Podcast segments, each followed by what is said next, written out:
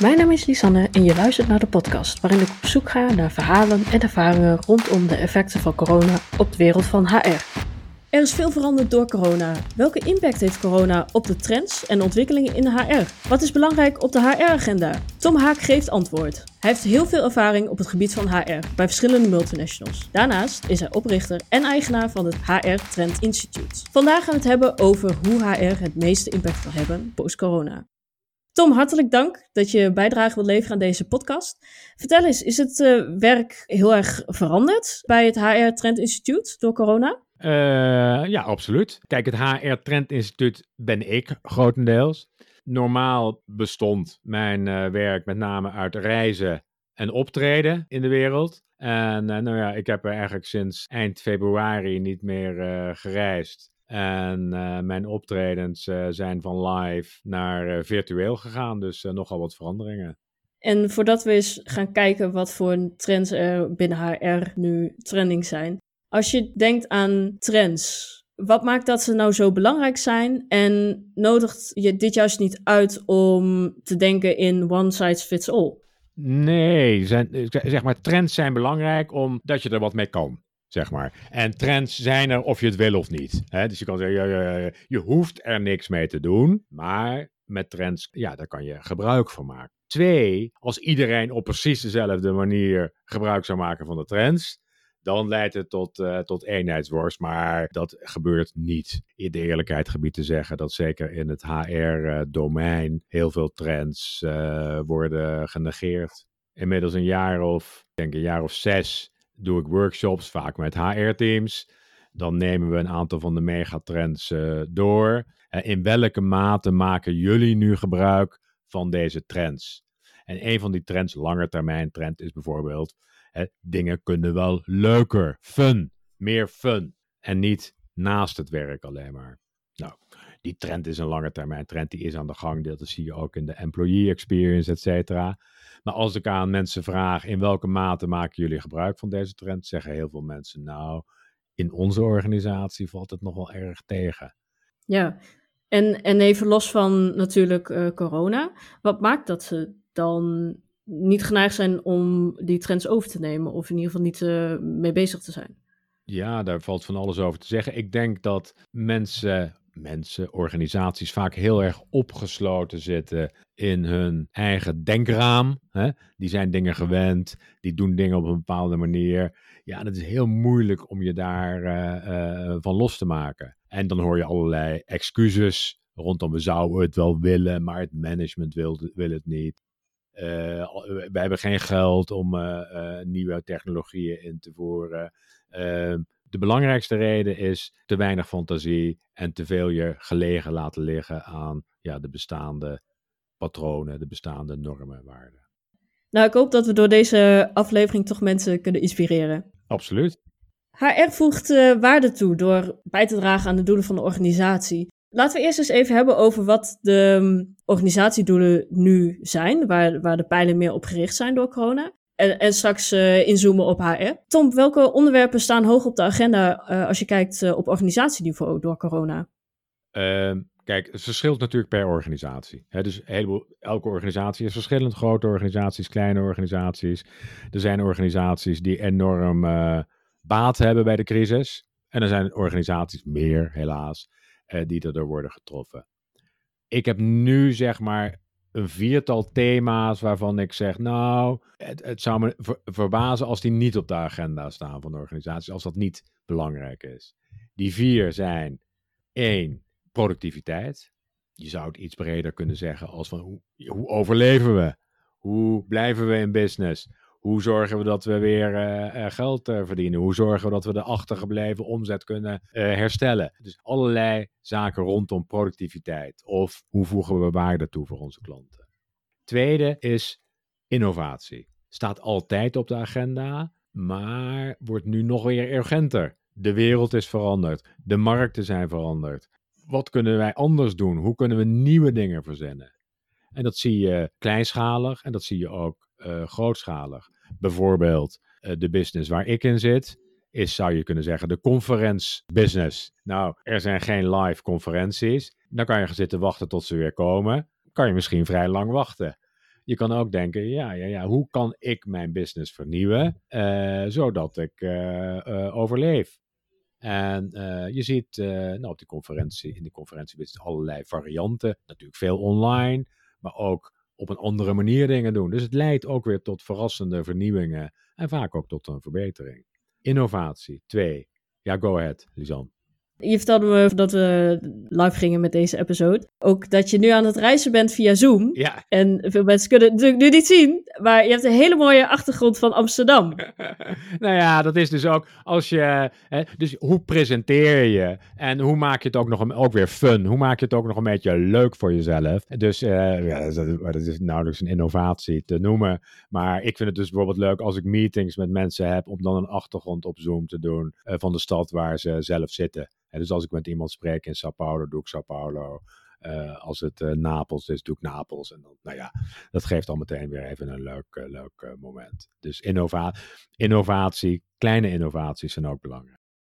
Het derde, dus productiviteit, innovatie. Resilience, dat, ik, ik kan het nu, ik heb het een tijd geleden op papier gezet, nu kan ik het al bijna niet meer zien, want overal opeens zie ik webinars, resilience opduiken. Uh, dus dat is absoluut uh, mainstream op dit ogenblik. Maar wel belangrijk. Hè? Hoe kunnen we, je zou kunnen zeggen, weerbaarheid is misschien iets te, niet helemaal positief genoeg. Hè? Hoe kan je zorgen dat je als organisatie en dat de mensen in de organisaties op een goede manier met dit soort crisis kunnen omgaan? We hebben nu de corona, er komen ook andere. En het zou mooi zijn als we daar sneller, beter op kunnen inspelen. Het zou nog mooier zijn als we er voordeel uit kunnen halen. Dus er is een, een, een, een mooi begrip van, uh, van de schrijver Taleb, ja, in Nederlands zou je kunnen zeggen antifragiel, antifragile. Dat is eigenlijk, drukt het nog iets mooier uit, want dan is het antifragile betekent dat hoe kan je beter uit een crisis komen? Hoe bloei je in crisistijd? Dus je zou kunnen zeggen in een schaal van uh, de anti-fragile schaal, waarvan nul is, nou je, je, je komt er niet meer bovenuit. Resilient is, je, je, je richt je weer op. Maar anti-fragile is, je hebt er voordeel mee gedaan. Je business is beter geworden. Nou, dat is een belangrijk thema op dit ogenblik, eigenlijk overal in organisaties. En we, komen straks op HR. De laatste is, sorry voor de Engelse termen, well-being. Hoe zorgen we dat de mensen die betrokken zijn bij de organisatie, iedereen rond een organisatie en ook nog breder, je zou kunnen zeggen ook de samenleving waarin wij leven, hè, dat we daar het beste voor doen. Dat mensen gezond kunnen werken, dat mensen veilig kunnen werken, eh, dat we respectvol met mensen omgaan. Dus het is een heel breed begrip. Maar well-being is duidelijk de afgelopen weken, maanden hoger op de agenda gekomen. En er is bijna geen organisatie waar dat niet het geval is. Dus samenvattend, de belangrijkste onderwerpen zijn productiviteit, innovatie, veerkracht of antifragiel en well-being. Laten we nou eens inzoomen op wat dat betekent voor de HR-agenda. Hoe kan HR bijdragen om de productiviteit te vergroten? Nou, productiviteit is natuurlijk bij uitstek een gebied waar HR uh, uh, wat in te doen heeft. En als je door belangrijke thema's heen gaat, bijvoorbeeld, het begint al met people analytics. Weet je hoe productief mensen zijn?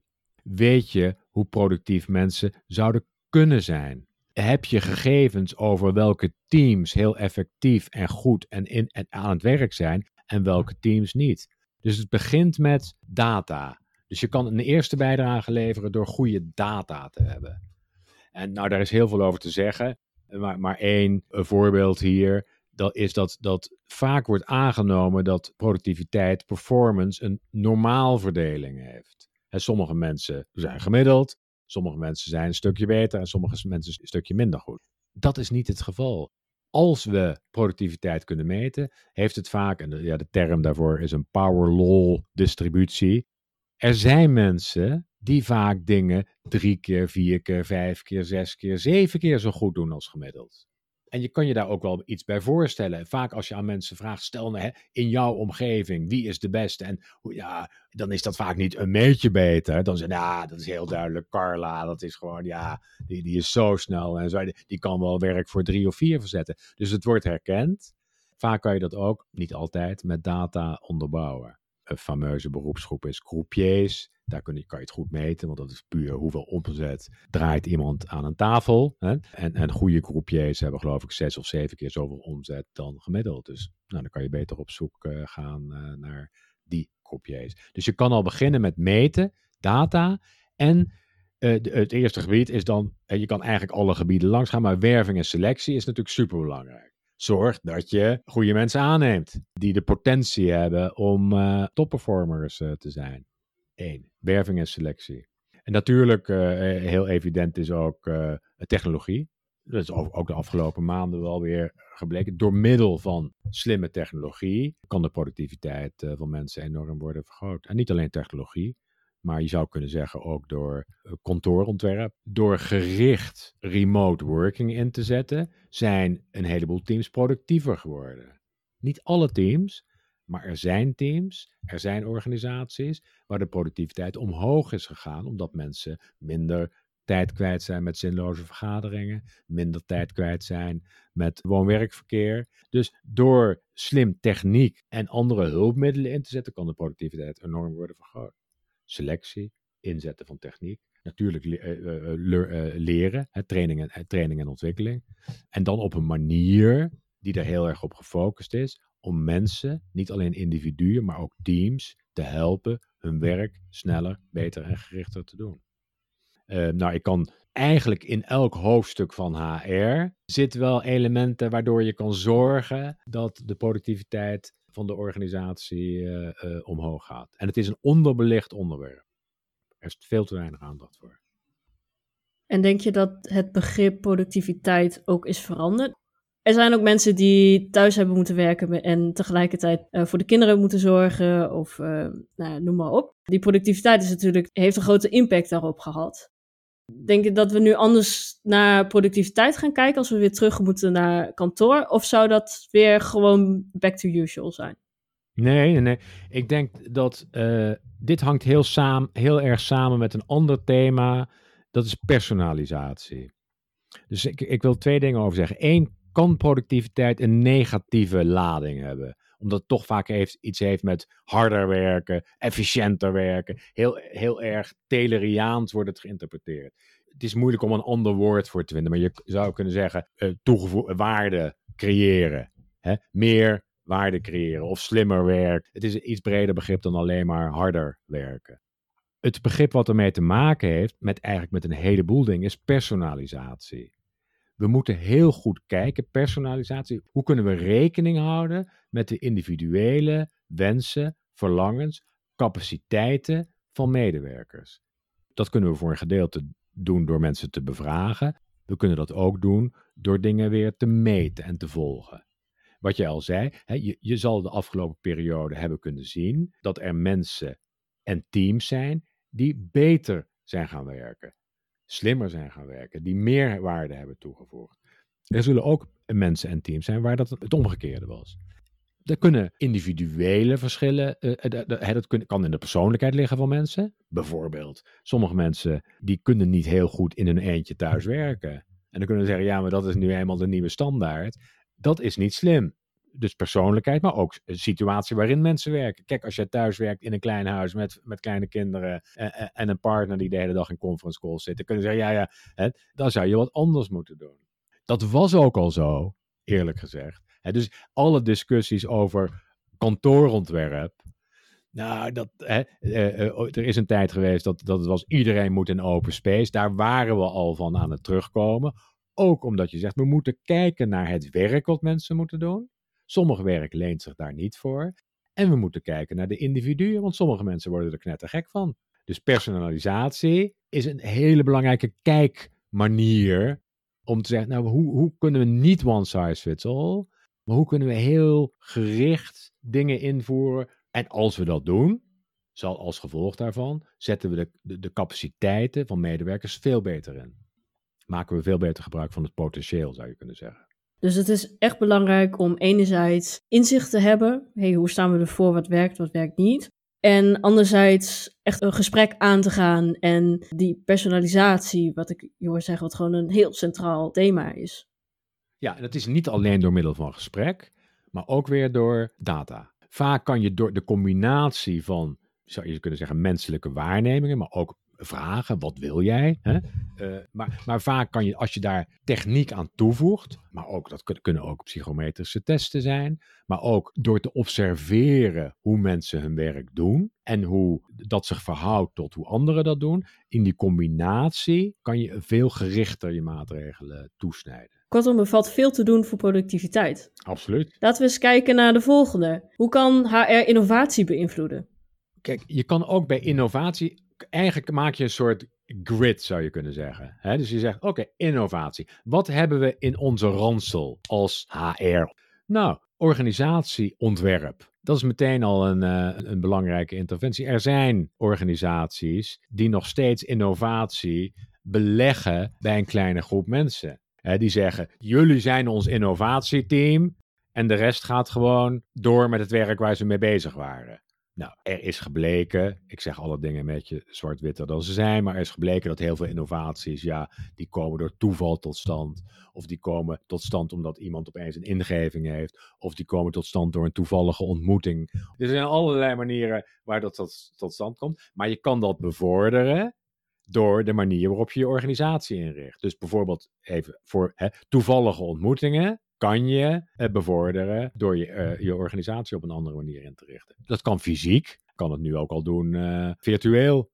Dus organisatieontwerp is nummer één op de lijst waar je wat zou kunnen doen. Twee, ik ga ze niet allemaal langs fietsen, maar ik zou mensen willen uitnodigen om ze langs te fietsen. Snap je? Dus als je al die hoofdstukken neemt, wat zouden we bij ons kunnen doen? Gaan we nieuwe mensen aannemen? Innovatie is een belangrijk thema. Nou, dan zullen we heel goed moeten kijken hoe, hoe kunnen mensen bijdragen aan innovatie. Maar gaan we krimpen? Gaan we geen nieuwe mensen aannemen? Hoe kunnen we dan uitdagingen neerleggen bij al onze medewerkers?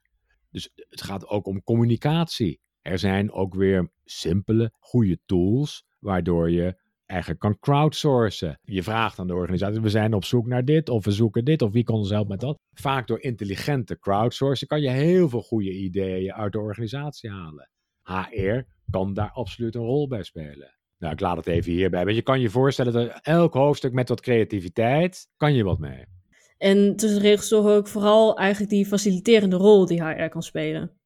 Ja, faciliterend en de, de architectuurrol. Want je kan het is heel makkelijk om te zeggen, ja, alles, we gaan alles doen. Ja? We maken die matrix van productiviteit, innovatie, resilience, well-being en alle HR-instrumenten. Nou, en we gaan alles doen. Dat heeft natuurlijk geen zin.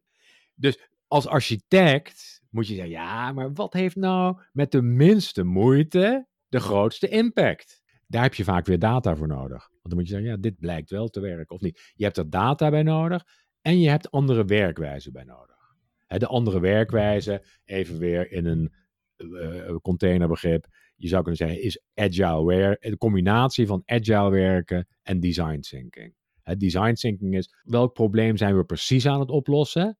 Heel dicht bij de klant. En wat werkt en wat werkt niet. Dus als architect het is eigenlijk een meewerkende architect, om het zo te zeggen. Want je gaat niet eerst een heel ontwerp maken. Hè?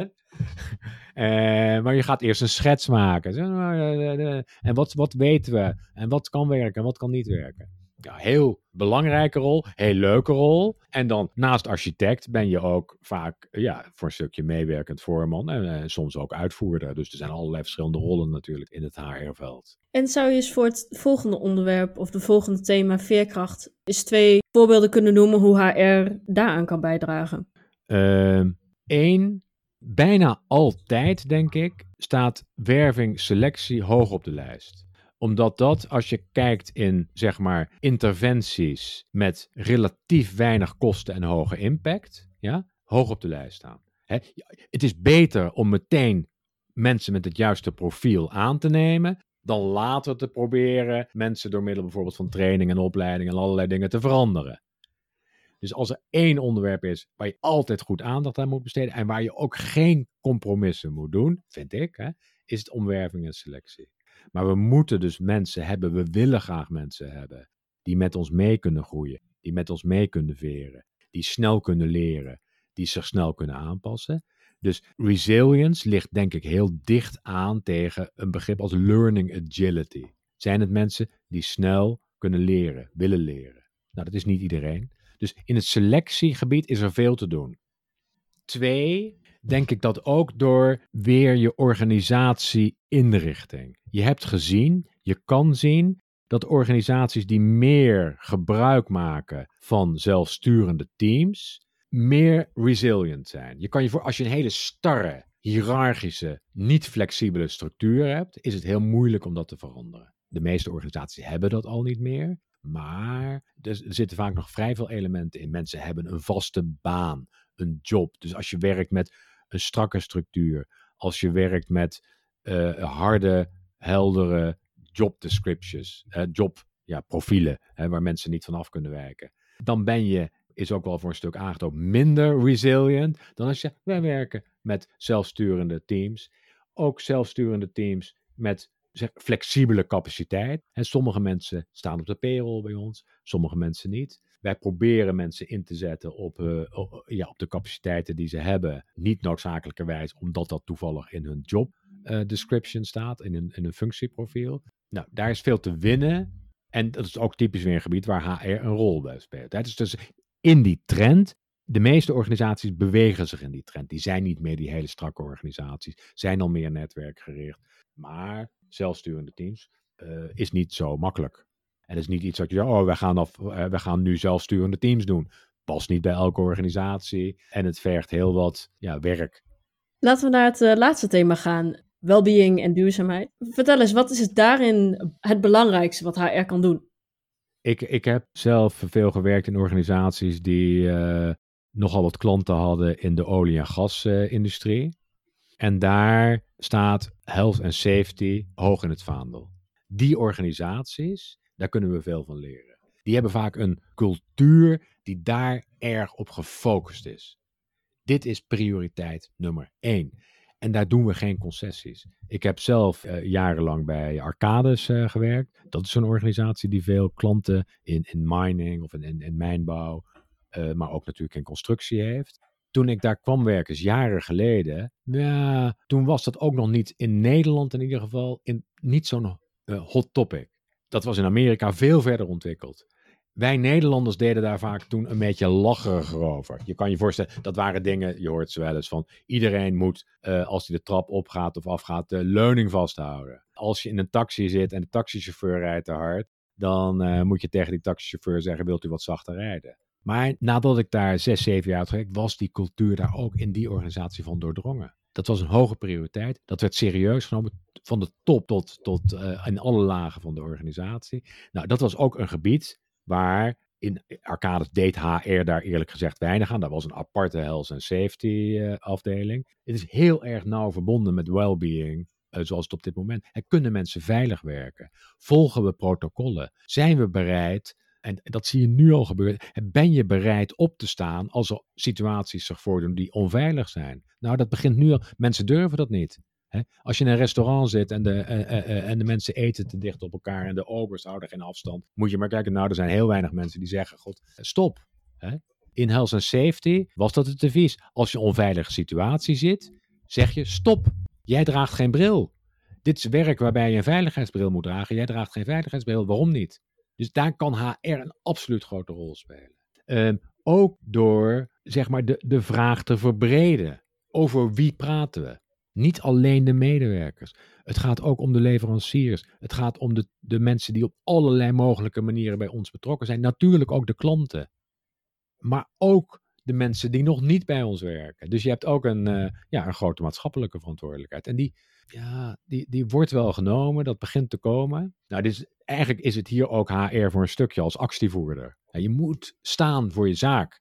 In dit gebied moet je niet te compromis bereid zijn, vind ik. Hè? Dus uh, je hoort hier een beetje een actievoerder. Maar uh, het is voor mij een gebied waar heel wat te winnen is en waar je niet, en dat, het moet geen window dressing zijn. Het moet serieus zijn. Het en, het, en het is serieus, is dodelijk serieus. Ja, en ik denk dat het ook nog extra belangrijk is, omdat als we dan nu van de thuissituatie weer naar kantoor willen gaan, dat al die nieuwe regels ook duidelijk worden gecommuniceerd en ook gewoon nageleefd worden. Absoluut. En dat is best spannend, staat spanning op. Want ik ben zelf helemaal niet iemand die, die graag is van de regels. Hè? Dat, dat heb je kunnen bespeuren. Maar hier uh, helpt het om regels en protocollen te hebben, maar ook goed gebruik te maken van, sorry weer voor de Engelse term, van nudging. Dus je kan zeggen, we moeten allemaal regels hebben en die moet je aan houden. Je kan ook zeggen, we, we proberen het zo te doen dat het op een vriendelijke manier gaat.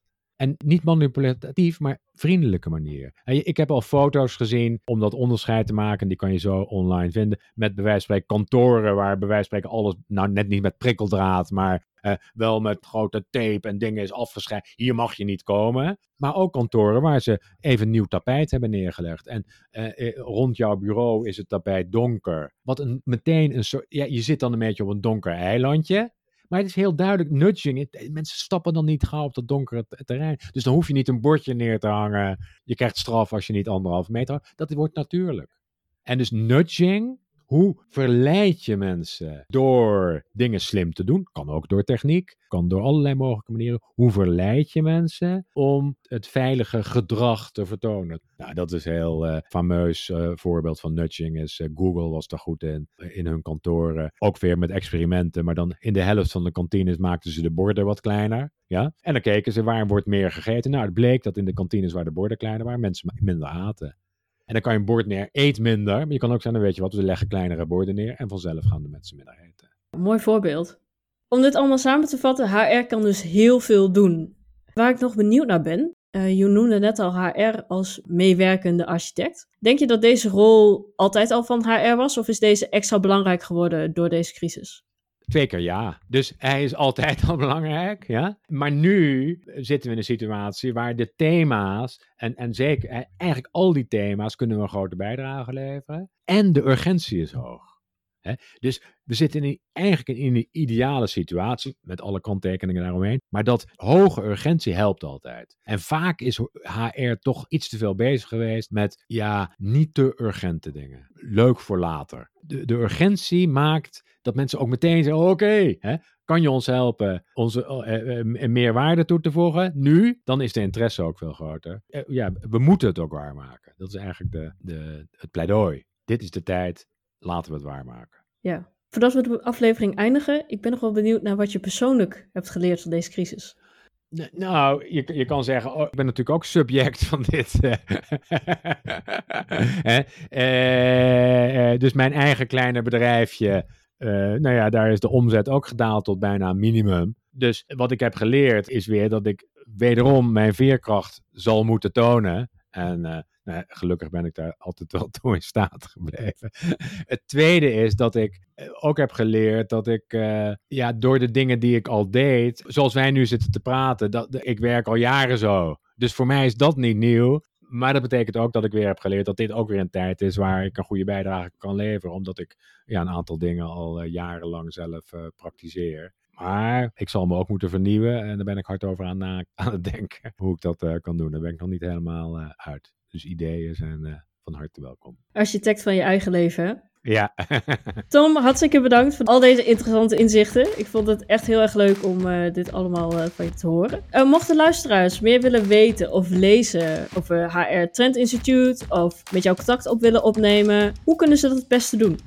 Het, simpelste is in Google Tom Haak intikken. Dan komen er verschillende dingen naar voren. hrtrendinstitute.com ze kunnen uh, naar mijn website. Ik heb een goed YouTube-kanaal. LinkedIn is een van mijn favoriete uh, media. Dus ik ben vrij makkelijk te vinden. En ik heb vrij veel materiaal ja, wat, wat leuk en nuttig is. Dan nog een oproep aan alle luisteraars. Welke trends zijn voor jou nu het belangrijkste? En waar hou jij je vooral mee bezig? Laat het weten in de reacties. Tom, nogmaals hartstikke bedankt voor je tijd.